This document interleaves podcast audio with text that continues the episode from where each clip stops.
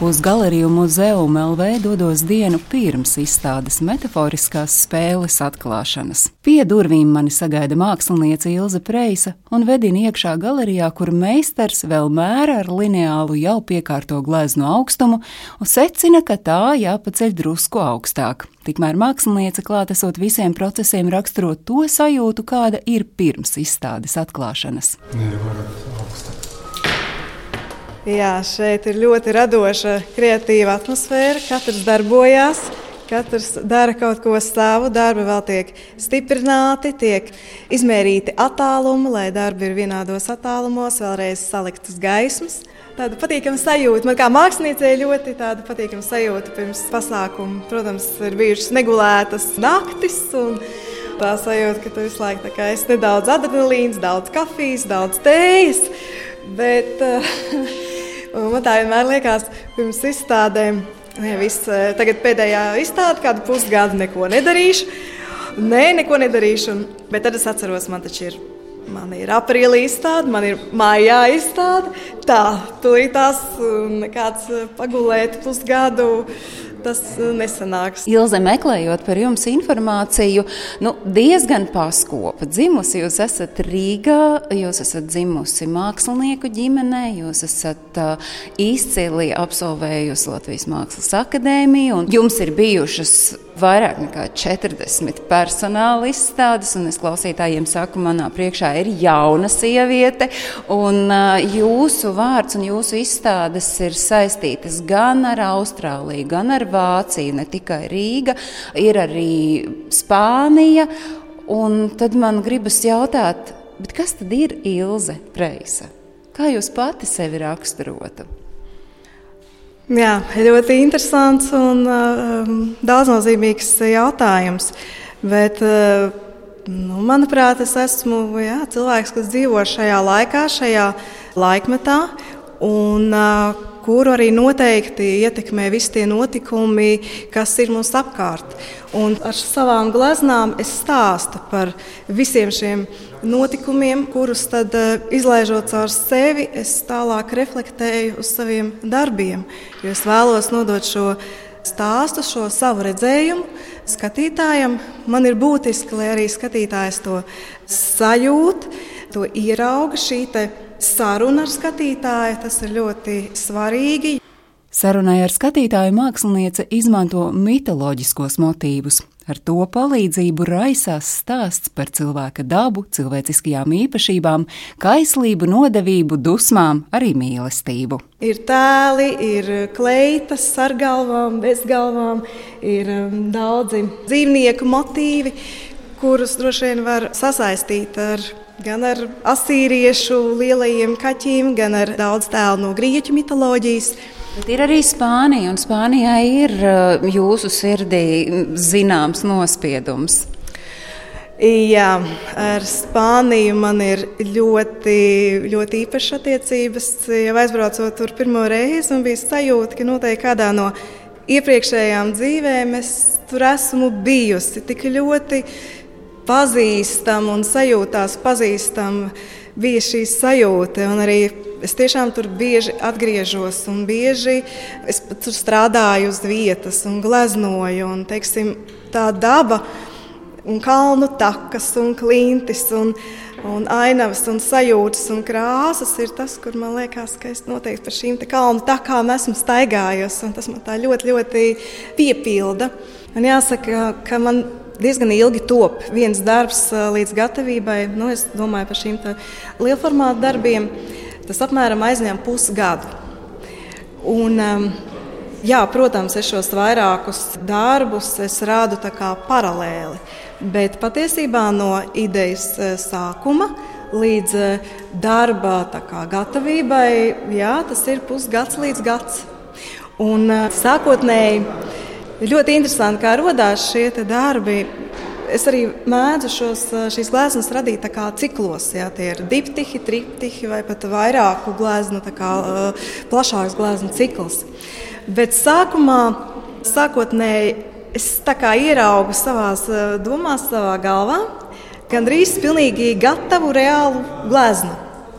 Un šeit ir skaidra kompozīcija un skaidras dominējošās krāsas, kas būs šajā gleznā. Tad tālāk es to piefiksēju tādā ļoti nelielā, nelielā skicītē, kur burtiski parādās tikai kompozīcija galvenā, un es pierakstu krāsas. Un vēlāk, tad jau es, jā, ir vairāki mēneši, kamēr es sagatavojos šī te, šim te uznācienam vai pie Molbērta. Es vācu dažādus materiālus, veidoju dažādas skices, un tikai tad vēlāk, eh, jau var teikt, jau procesa jau beigās, jau man ir absolūti skaidrs, kā tā glezna izskatīsies. Tad es sēžos pie Molbērta un jau vairāk, nu, pāris nedēļu garumā varu šo darbu pabeigt. Nu jā, un arī vēlāk, kādā no telpām jūs redzēsiet, mums ir tāda vesela litogrāfijas telpa, kurā mēs esam aizvēruši logu. Līdz ar to ir tāds apgaismojums, kas ir vērsts. Nekas liekas netraucē, tikai šīs litogrāfijas. Mēs varam aiziet uz šo telpu, jūs ieintriģējāt. Pēc akadēmijas beigšanas ilgu laiku es nebiju darbojusies ar litogrāfiju. Bet uh, vienmēr domāju, ka tad, kad tikko atradīšu kādu brīvāku laiku, atkal atgriezīšos. Pirms diviem, trim gadiem es esmu atkal atgriezusies pie šīs tehnikas. Un, uh, man ir liels, liels prieks. Tas ir īpašs process. Te ir jāatrod šī saikne ar savu akmeni, jo tas ir dzīves materiāls, kurš ir veidojies daudzus tūkstošus gadus atpakaļ. Tur ir no moluskiem un dažādām dzīviem organiskiem materiāliem. Un tad tālāk šis akmens, kurš atrodas tavā priekšā, tur viņi veido šo sarunu. Un kā mēs runājām arī ar citām māksliniecēm, ar Laimu Pujāti, jā, viņi arī saka, ka, ir, nu, ja nav kontakts, vienkārši nevar nodrukāt ja, šo zīmējumu. Nu, Katrs domā, kāpēc tā ir dienas, kad drukājās, dienas, kad nedrukājās. Un šeit katrs no tiem simboliem vai tēliem, kas ir šajās litogrāfijās, tiem ir sasauci arī ar gleznām. Svarīgs Ilzas Preisas mākslas elements ir krāsa. Īpaši sarkanā, melnā un baltā, ko māksliniece organiski iekļauj savu simbolu teritorijā. Tieši tāpēc izstādes apmeklētāji mudināti satura tulkošanas azartam. Mēs arī kādā no dienām staigājām pa šīm telpām. Mēs atklājām, ka ir vairāki punkti, kuros nostājoties, tā, tā kā pavērās šis tā kā, nu, ceļa sākums.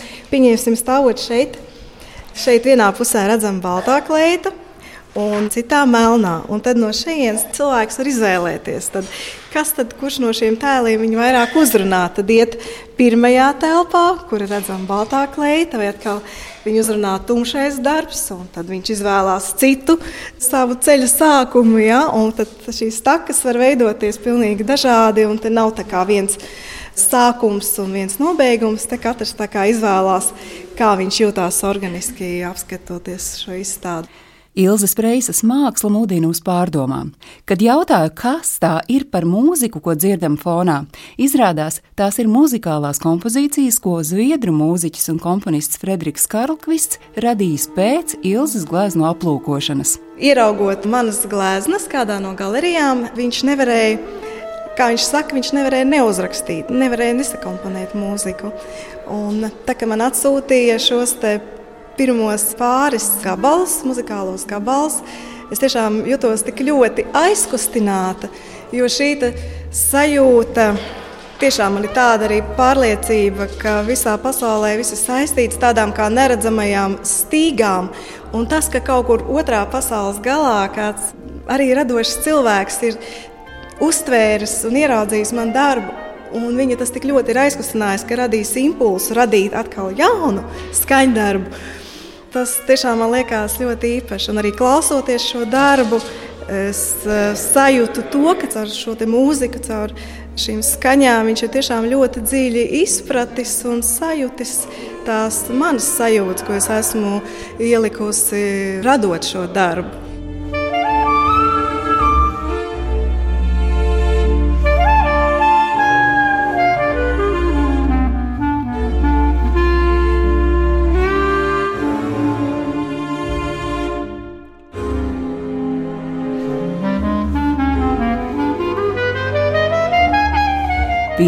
Reizi Spānijā dzīvojošā zviedru komponista muzikālās kompozīcijas skanēja izstādē Metaforiskā telpa Barcelonā, bet Rīgā izstādes metaforiskās spēles atklāšanā muzikālās nianses ir saksofonista Arte Gāgas pārziņā. Ilzas darbi, jā, ir tāds spēcīgs impulss, kaut kādā ziņā viņi pat skan, jā, es varbūt var tādas pat muzikālas paralēles, muzikālas terminus izmantot, aprakstot šos darbus un tādā veidā arī iedvesmojot sevi vai ņemot šo impulsu no viņas darbiem.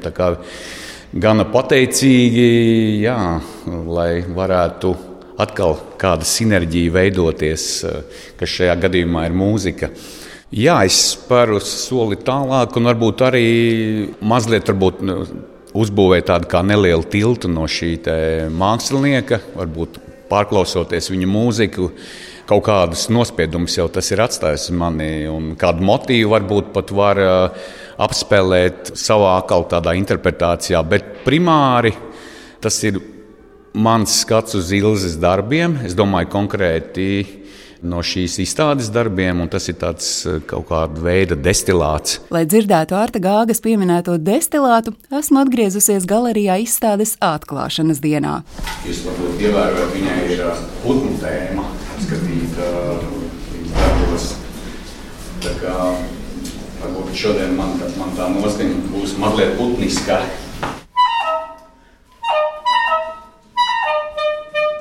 Izstādes apmeklētājus pieķer tulkojam mākslinieces Ilzas Preisas darbus, turklāt katram šis skaidrojums ir savs.